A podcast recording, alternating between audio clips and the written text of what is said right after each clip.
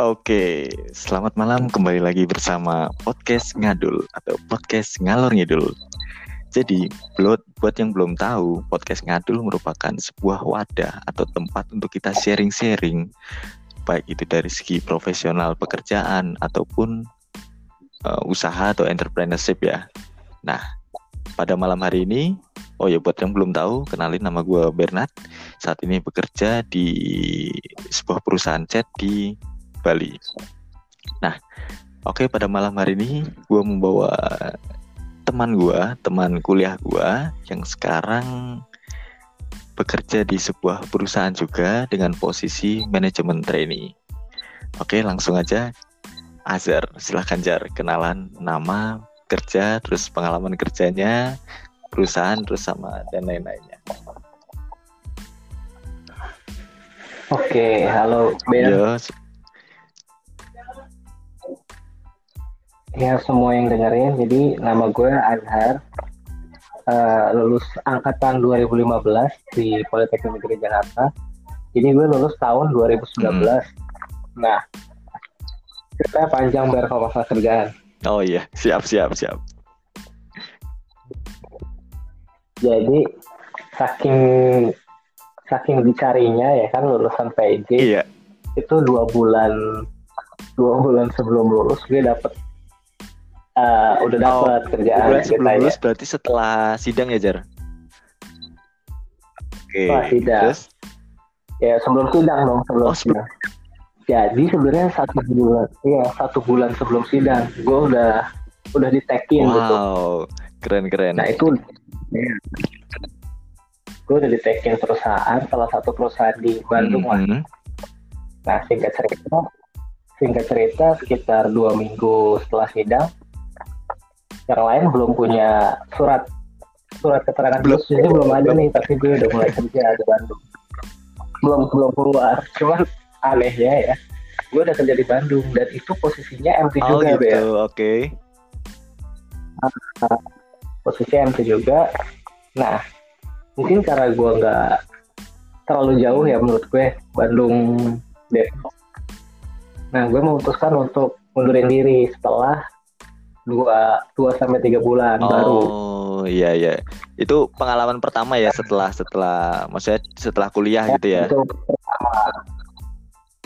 Jadi menurut gue lu sebenarnya ya jangan senang dulu kalau misalkan nih gue dapet kerjaan nah. tuh cepet. Sebenarnya kita tuh punya posisi sebagai apa ya kita punya bargaining position gitu untuk milih kerjaan mana yang bagus untuk kita gitu. Ah, Oke. Okay.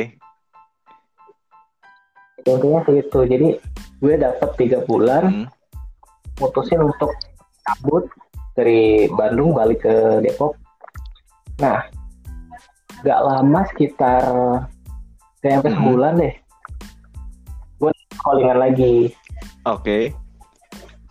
nah di salah satu perusahaan media lah hmm. di Jakarta nah untuk jadi desainer oh, okay. desainer yeah. grafis ya Nah jadi agak agak menyimpang ya Jar. agak jauh nih dari Iya. Yeah. ya. Jadi dari industri kok tiba-tiba desain grafis, tapi nggak apa-apa lah kan gue nyoba hmm. dulu kan. Nah ternyata lumayan enjoy, lumayan enjoy. Udah lumayan lah berapa ya? Setahun lah ya. Hmm, setahun, oke. Okay. Udah setahun gue mikir, nah, gue mikir kayak takut salah arah nih gue. Oke. Okay. Jadi udah awalnya kan industri dan kuliah kita kan emang industri Betul. banget kan nah tapi gue kayak ah nih kayaknya kurang nih jalurnya nggak cocok jadi menurut gue eh, karir petnya kurang kalau desainer kan gue setengah-setengah ya oh, okay, kan. karena kita bukan ya bukan murni dari desain grafis jadi kayak setengah-setengah gitu skillnya misalnya yeah. nah dari situ ada kesempatan nih ada kesempatan untuk gue lanjut eh, balik lagi maksudnya back oh, on kembali ke industri, lagi ya lagi. Ya, yeah. iya, balik ke jalan yang benar. Diluruskan gitu ya, Oke. Okay. Diluruskan betul. Mm-hmm. Jadi gue itu kan lagi pandemik ya. Yeah. Terus gue kayak banget. Jadi gue interview dari pagi jam 8 sampai jam 4. Oh, dari dari pagi jam 8 sampai jam nah. 4 sore itu interview full. Itu interview, tes psikotes, oh, okay. dan lain-lain. Mm -hmm. Nah, yang gue kaget ketika interview terakhir itu gue langsung disodorin offering letter. Serius? Ya. Wah, iya. gila. Iya. Gila banget. Jadi gue bener-bener selesai segala macam, gue dipanggil huh? masuk, gue langsung disodorin offering letter. Wah gila, tangan. berarti one day recruitment ya? Satu hari langsung ya? Gila. Betul. Satu hari langsung dan itu posisi gue masih ada kontrak di per, apa perusahaan media gue yang iya, sebelum itu terbalik gitu ya Jar hmm. uh -uh. gue pokoknya di situ gue bingung karena gue masih ada kontrak dan ngurus resignnya itu kan lumayan iya, ribet ya. biasanya one month notice sih kalau setahu gue. One month notice. Sedangkan gue di apa di sodorin offering letter hari itu juga dan si HRD bilang kamu 10 hari lagi berangkat ya ke Surabaya training kita.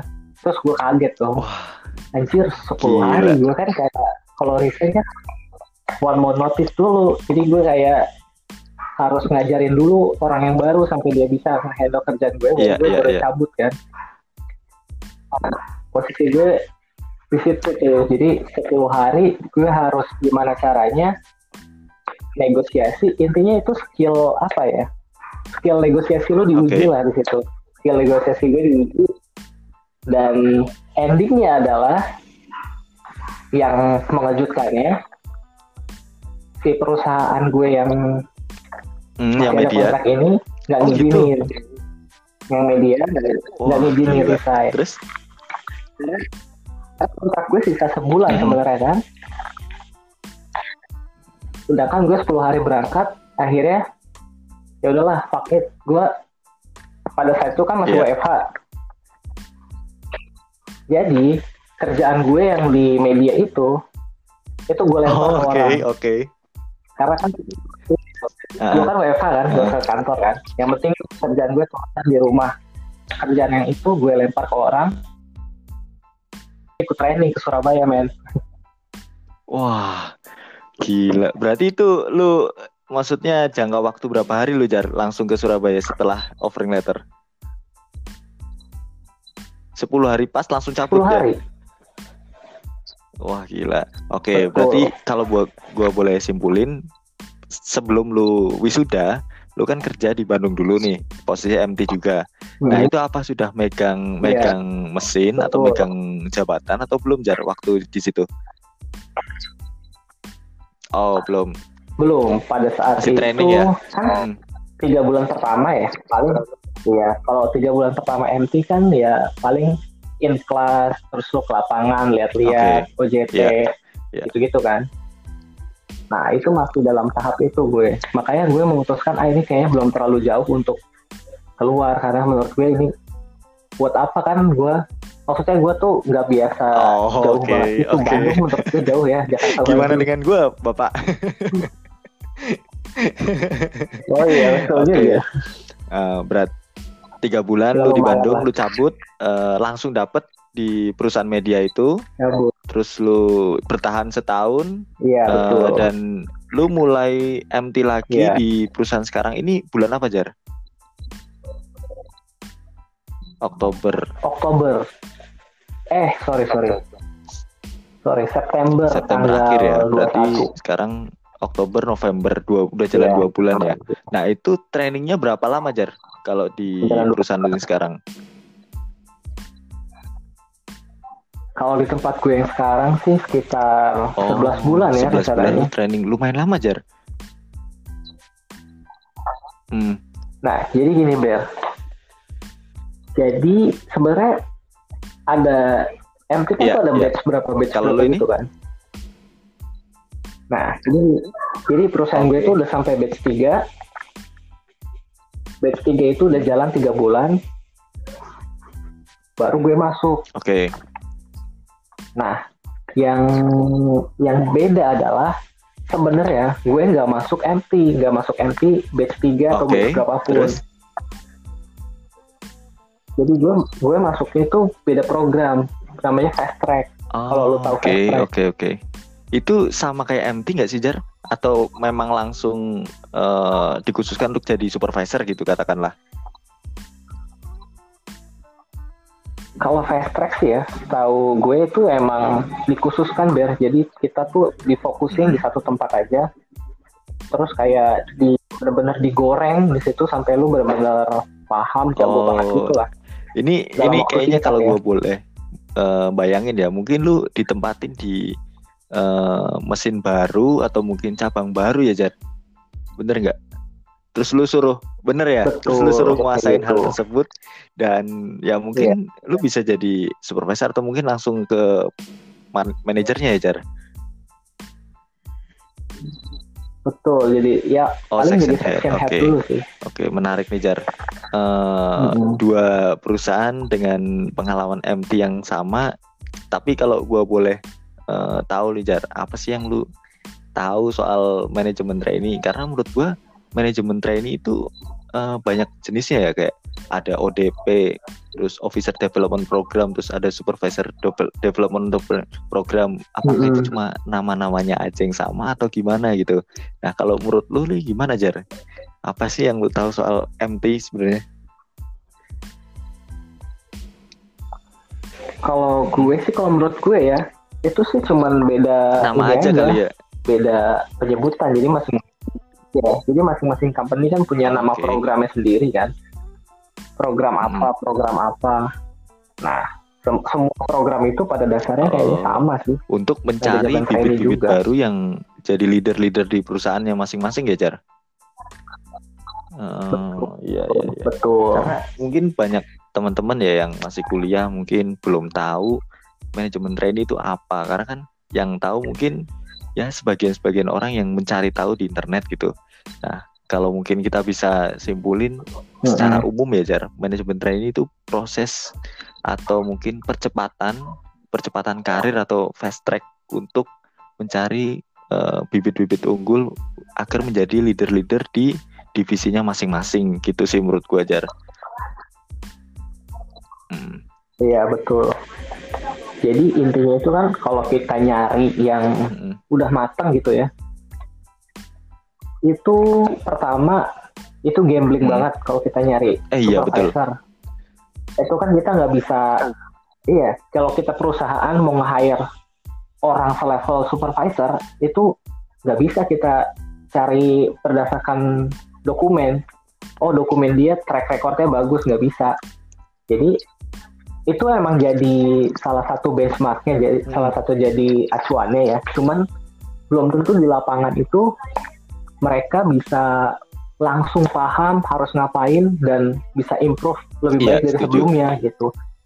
Nah, menurut gue perusahaan, ya, jadi menurut gue perusahaan itu kayak ngambil mikir cepet, oh gimana ya supaya gue dapat satu orang yang benar-benar paham, cuman oh. di sini aja, itu benar-benar spesialis untuk ini. Ya mau nggak mau kan, lu harus ngelatih orang yang udah punya basic Betul. supaya matang. Jadi lu lu goreng terus ada matang tuh orang sampai siap. Iya, tapi gitu. buat teman-teman semua nih, tapi emang gue kenal Ajar nih dia dari semester awal udah punya udah bangun bisnis sablon sendiri Ajar. Jadi paling enggak secara prinsip cetak Betul. kan ini di perusahaan cetak ya Jar kalau lu kan prinsip cetaknya kurang lebih kan ya Betul. sudah mateng lah Jar ibaratnya ya. Jadi tinggal digodok lagi untuk mempelajari mesin yang lebih lebih canggih mungkin kan. Jadi ya mungkin perusahaan iya. percayakan ke lu sih jar. Menurut gua. Oke. Okay. terus uh, banyak yang tanya juga jar. Untuk rekrutmen manajemen trainee itu menurut lu dari dari perusahaan lu dulu deh menurut kayak gimana sih jar? Mm -hmm. dari pengalaman lu juga. Kalau menurut kalau menurut gue ya kalau manajemen training di tempat gue itu kayak hmm. dia spesifik yang pertama dia nyari lulusan tertentu jadi misalkan ini buat hmm. pelajaran buat yang lain juga ya misalkan nih requirementnya itu iya. teknik industri ya jadi kalau lu bukan teknik industri itu dokumen lu udah ya, bakal kena apa pasti gak bakal ya? ditolak ya? pasti ditolak oke okay Betul. Kalau kalau MT itu biasanya spesifik kecuali ada beberapa kayak marketing yeah, atau yeah. MT sales biasanya all itu jurusan. all all major ya. Nah kalau di tempat kalau di tempat gue itu spesifik dan sebenarnya itu ada tes yang paling krusial menurut gue ya daripada tes-tes yang lain itu adalah tes maturity oh, okay. kedewasaan. Nah, jadi tes itu tuh isinya kayak buat ngelihat lu itu kalau kena masalah sikapnya oh, lebih gimana ke ini gitu. ya, cara nah, ngatasin nah, masalah terus lu cara lu solve the problem kayak gitu ya. Betul. Hmm, oke, okay, lanjut. Jadi, ya. Jadi kalau lu akan gimana? Lu akan panik kah? Lu hmm, akan nyalahin bawahan lu kah? Lu Sering terjadi, Pak. kayak gitu. Sering terjadi. Betul, betul kan? Nah, itu di menurut gue sih itu yang paling penting sih dibanding tes-tes okay. uh, yang lain. Karena kalau misalkan interview kan paling kalau MT ya, kalau interview menurut gue nggak bakal menjerumus kayak apa yang kamu ketahui tentang hmm. marketing misalkan, apa yang kamu ketahui tentang enggak akan ada pertanyaan hmm. kayak gitu. Lebih ke nguji, lebih ke nguji kedewasaan Mungkin, lo aja sebenarnya nggak ada iya, iya, iya. Karena menurut gue tuh kayak yang sesuatu yang kayak hard skill itu kan bisa kita pelajari seiring berjalannya waktu ya Jar.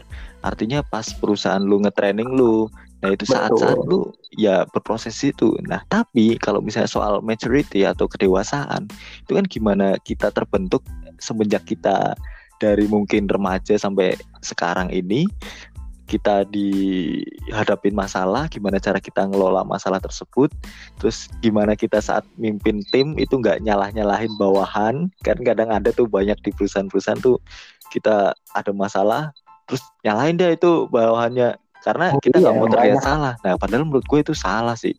Menurut gue salah karena segimanapun mm -hmm. bawahan kita juga satu tim sama kita, kita yang punya tanggung jawab full sama apa yang dilakukan atau apa yang dijalani oleh tim kita gitu sih menurut gue jar.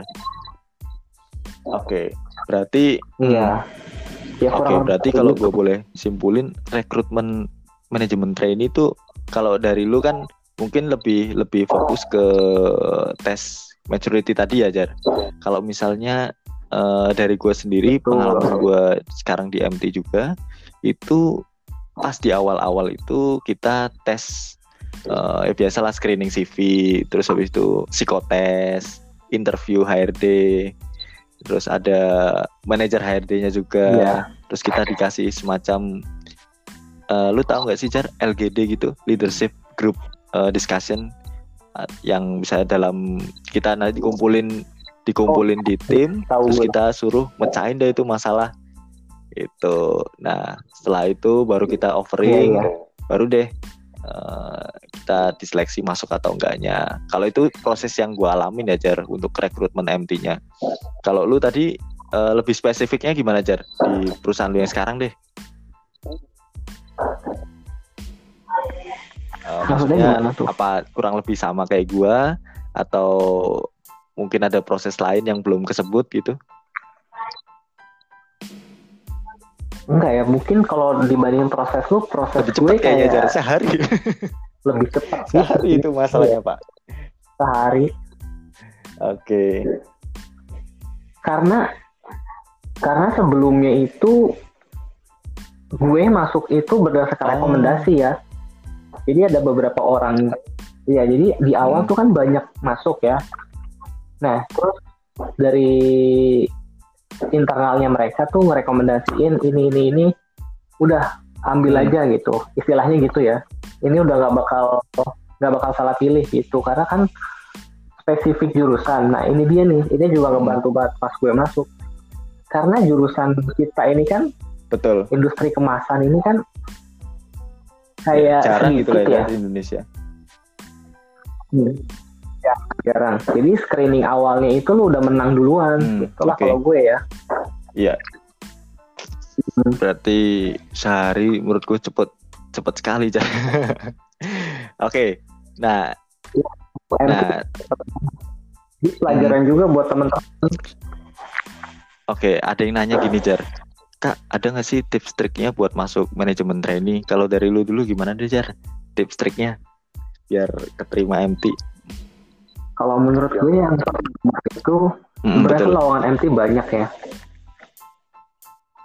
Nah itu yang pertama yang pasti screening awal kan yeah. pasti screening dokumen kan.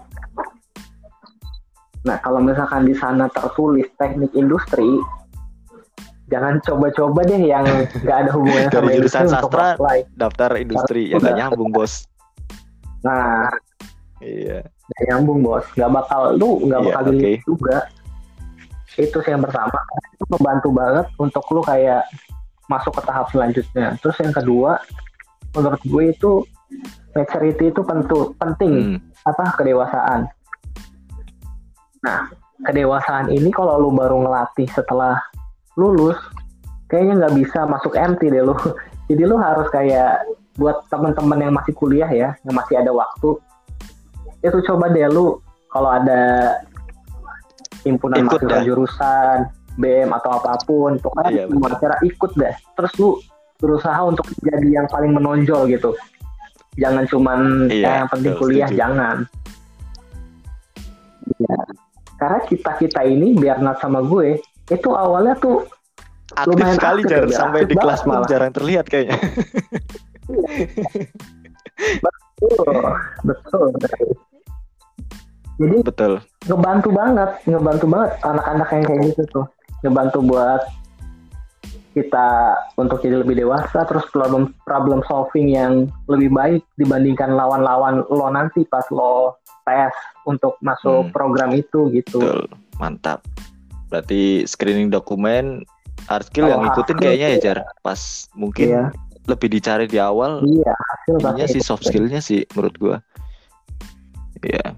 Oke, okay, ya. kalau dari gue sih kurang lebih sama kayak Ajar. Mungkin yang lebih harus dikuasain bener-bener itu ya tes psikotes pada umumnya lah. Kan perusahaan pengen tahu lu lebih dalam kan so, diusahakan lu jujur jawab apa psikotes psikotesnya jangan sampai lu ngebohongin atau nyontek buku. Aduh itu menurut gue lu ngebohongin diri lu sendiri sih.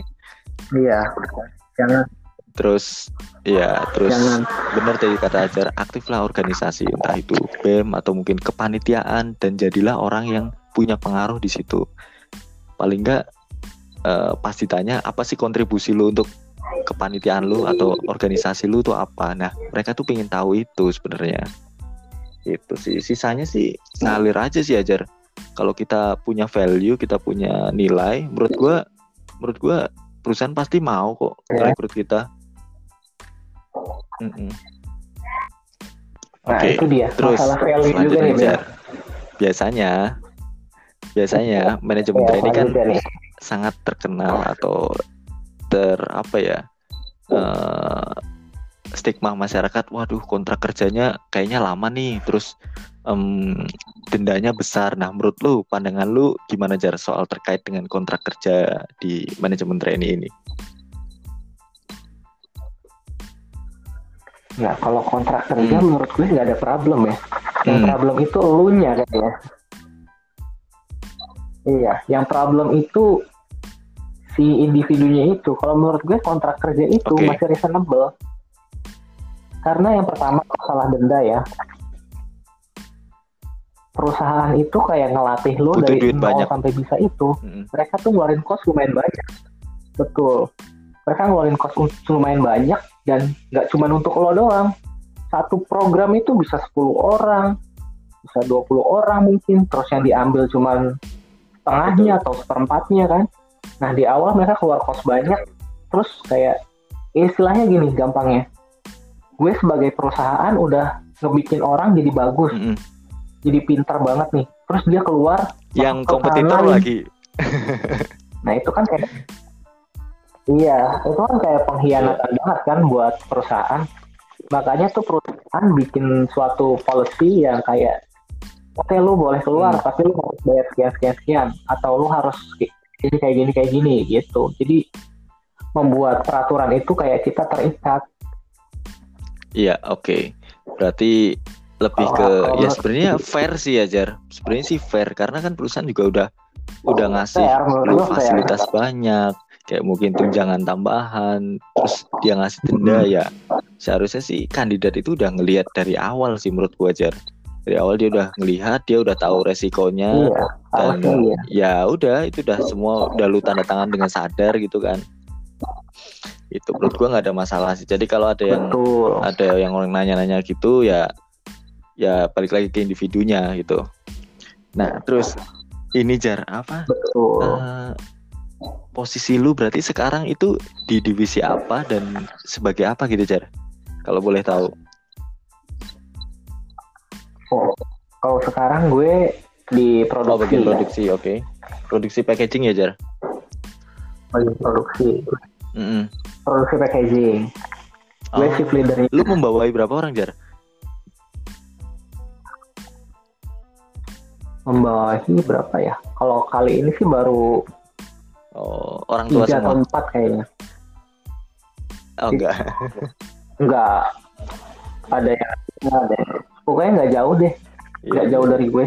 Oke, jadi sebenarnya kalau membawahi orang atau di dalam tim itu kan tentu punya suka duka ya Jar. Nah, kalau lu sendiri nih, kadang gregetnya Hmm. itu pas gimana sih? Karena gue juga mau sharing sih nanti Eh, dalam satu tim pasti ada yang ada yang nggak sejalan lah atau ada yang ngeyel lah atau apa itu.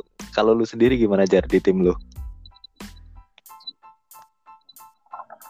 Kalau gue sih ya, yang pertama tuh harus dapat trust dulu sama Dapat trust dari ya, tim ya catatannya dari dapat bawahan trust dari lu. tim. Iya. Nah, trust itu lu dapat dari mana? Mungkin dari lu. Menurut gue ya, lu dari show off skill lu. Jadi lu harus menyombongkan diri depan mereka, Oh, tapi paham, jangan paham. kelihatan banget. Ngerti nggak maksud gue, ya?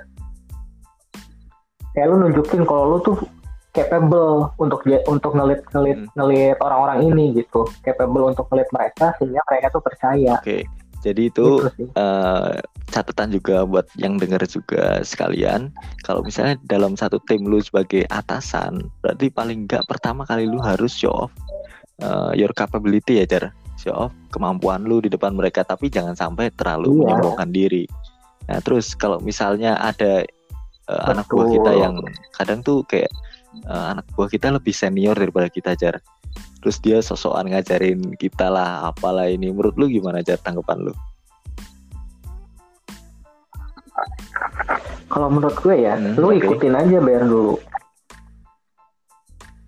lu ikutin dulu nah kalau mereka ada salah baru lu tunjukin yang benarnya gimana kalau menurut gue sih gitu karena selama ini gue belum pernah nemu kasus kayak yang bawahan gue Oh. lebih ini sih lebih kayak ajaib Iya, selama iya. ini sih belum ya itu sih. Kalau gue jujur lu aja, gue kan eh, megang tim mulai itu per Maret kemarin jar, dan gue langsung ngebawahin 14 orang langsung jar, Mm-mm. 14 orang dan itu wah gila setengahnya itu sudah senior semua. Nah, terus gimana cara gue ngatur tim? Jadi pertama gue kumpulin, terus gue buka obrolan. Emang ya gue akuin kalau misalnya gue eh, masih baru dan butuh belajar, tapi gue eh, bener-bener perdalami apa yang gue bisa dan gue tunjukin ke mereka. Yang lu bilang tadi show off your capability gitu. Nah kalau gue kan lebih ke visit ke customer-customer gitu ya Jar di toko bangunan atau mungkin kayak semacam mitra 10 nah gue barengin itu sama eh, anak-anak buah gue kan gue barengin kalau misalnya dia ada yang salah ketika misalnya cara ngomongnya atau apa ya gue tunjukin yang benar. Jadi paling enggak gue bisa di apa ya dilihat tuh oh ini mampu gitu loh. Orang ini tuh mampu ngemimpin tim gitu. Kalau kalau gue kan lebih banyak eh, setengah di kantor kemudian setengah di lapangan jar. Jadi eh, kalau gue pribadi setengah di kantor gue bikin data nih gue bikin data gue nge-share ke anak-anak gue semuanya. Nah dari situ kan mereka tahu oh ini tuh care loh mereka sama atasan gue sama mereka kayak gitu sih jar kalau gue nah kalau suka dukanya itu kadang eh, mungkin kalau dunia produksi dengan dunia marketing itu kan beda ya jar. Kalau marketing kan kita kadang ngotot-ngototan atau apa Nah, jadi kadang tuh yang males kita ini tuh berdebat sih jujur aja kayak debat misalnya dia salah tapi dia nggak mau nggak mau ngakuin kalau dia salah gitu. Udah akhirnya gue coba diem sendiri gue diem sejenak terus pas udah agak reda karena kalau misalnya gue ngotot saat itu juga yang ada nggak selesai. Paling nggak kita dinginin kepala kita terus ya udah sorenya atau ini kita ngopi bareng kita obrolin dah tuh selesaiin masalahnya bareng-bareng. Nah itu dari situ ketahuan tuh oh ini ternyata salah harus dibenerin loh pak. Gini gini gini gini. Ya kurang lebih gitu sih suka dukanya. Kalau sukanya mungkin lebih ke ini ya Jar. Apa? Tunjangan gaji tuh lumayan ya oh, tapi ya dukung. Karena karena untuk informasi kalian yang dengar gue tuh awal-awal dikirim ke Surabaya yeah. training terus dapat sebenarnya ya itu fasilitas tuh gue bisa dapat oh, yeah? jemput gratis uh. pakai mobil kantor iya iya terus gue dapet kayak kontrakan gitu wow. dibayarin full oke okay. kalau kantor lumayan banget lumayan ya itu mantap kan sama eh, juga dapet ya, ya itu sukanya sukanya cukup cukup cukup banyak sih iya Iya. Iya, cukup banyak kalau masalah fasilitas ya, karena pasti anak-anak MT ini spesial lah beda sama yang lain. Setuju banget Jar. Biasa yang dan lain. ya sukanya itu dan mungkin kalau kita passion hmm. atau mungkin kita seneng ngejalanin di divisi kita itu bikin kita tuh tambah berkembang gak sih Jar? Kayak ya kita makin bisa ngedevelop skill kita gitu. Dan ya kita enjoy aja walaupun kerja kerja lu juga kan sih sampai ya. satu setengah hari. Eh, sama kita. Ya, walaupun kita sama. kerja sampai satu setengah hari ya ya jalanin aja. Toh juga kita masih muda umur dua dua dua tiga ya kan? Masih panjang lah jalan kita. Gitu. Mungkin dukanya kalau gue sih itu sih jar. Kalau duka lu apa jar di MT ini Kalau duka sih oh, lebih okay. ke teknis kalau gue ya. Jadi karena mereka nganggap kita itu empty, jadi kita tuh suka dikasih project-project yang sebenarnya gue belum pernah tangani nih. Gue dikasih project, gue belum pernah nanganin ini, tapi gue kayak, eh kamu kerjain ini, ini tim kamu. Jadi gue harus mikir keras oh, ini iya, gimana supaya project ini selesai dengan benar. Kalau ya, enggak kan perusahaan dong, ya kan dukanya lebih ke pressure-nya ya. Karena lu dianggap empty lu anak kuliahan orang-orang pilihan ya kan? Jadi harus extraordinary yang lo lakukan tapi itu yang bakal ngegoreng kayak lu sampai matang sih, kayak perusahaan udah ekspektasi ke lu tuh Betul. tinggi gitu loh Jar. Jadi paling enggak apa sih kontribusi lu yang Betul. yang spesial dibandingkan anak-anak lain gitu kan Oke, nah, lebih ke pressure ya, Jar. Sama sih, gue juga. Uh, jadi cerita juga, Jar. Minggu lalu gue ya. habis presentasi ke direktur. Nah itu bener-bener gue disuruh bikin project. Terus gimana caranya solve the problem di cabang gue. Kayak misalnya kiriman lama, terus dari apa namanya dari pabrik ke cabang itu lama gimana sih solusinya dari lu nah terus dicari dah itu masalah uh, benar-benar detail terus kemudian gue cari solusinya nah menurut gue itu sih yang pressure pressure itu yang bikin kita tuh jadi berkembang lebih baik lagi sih gitu menurut gue jar sama sih kayak lo iya. dan banyak orang yang nggak tahan karena pressure itu ber makanya banyak orang yang hmm, akhirnya yeah. gue nggak cocok di sini cabut cabut kayak betul gitu. setuju kayak gitu setuju. ya itu balik lagi ke orangnya sih ajar gimana mungkin dia iya, nggak ya, kuat atau ya. betul nah. oke okay. iya iya iya betul betul oke okay. wah gila gak kerasa udah setengah jam jar Iya. 30. Uh, eh lu di posisi di mana sekarang? Di Serang atau di Depok, Cer? Oh, di, di Depok udah balik ya. Ini. Aduh. Ya, Oke, okay. Mungkin gitu dulu. Terima kasih banyak buat sharing-sharingnya. Sorry nih kalau gue ganggu waktu lu nih, Pak. Oke,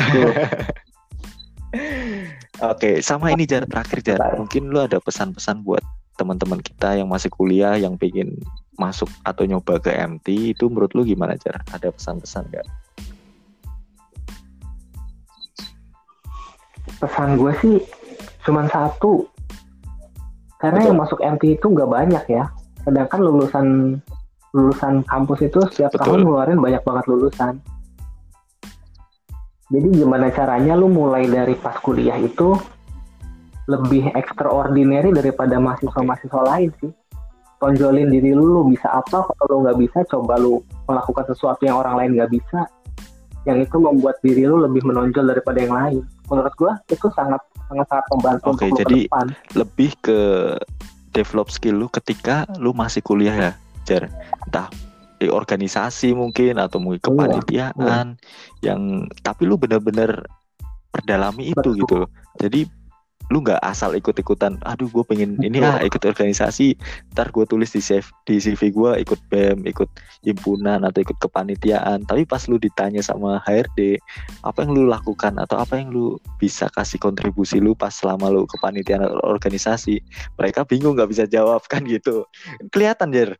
Kalau misalnya orang yang memang memang nah, kontribusi penuh kelihatan. dengan yang hanya sekedar ikut-ikutan kelihatan banget sih menurut gue Iya, jadi lu harus kalau lu ikut suatu organisasi atau acara gitu, ya lu berusaha untuk menjadi yang terbaik. Jangan cuman ya udah supaya ada yeah, pengalaman, yeah. jangan gitu bener, juga. Bener, bener, setuju banget. Oke, okay, mm-hmm. mungkin gitu dulu. Terima kasih banyak Pak Ajar. Mm-hmm. Sampai ketemu nanti. Ya, kapan okay, ya gue main ke sana lagi? Ntar kita ngobrol-ngobrol lah. siap, siap, siap, Aduh, siap. Okay. Oke Jar, terima kasih banyak buat teman-teman yang udah dengerin juga. Semoga bisa ngambil ilmu dan semoga ini bermanfaat banget buat teman-teman pendengar sekalian. Selamat malam, terima ya. kasih.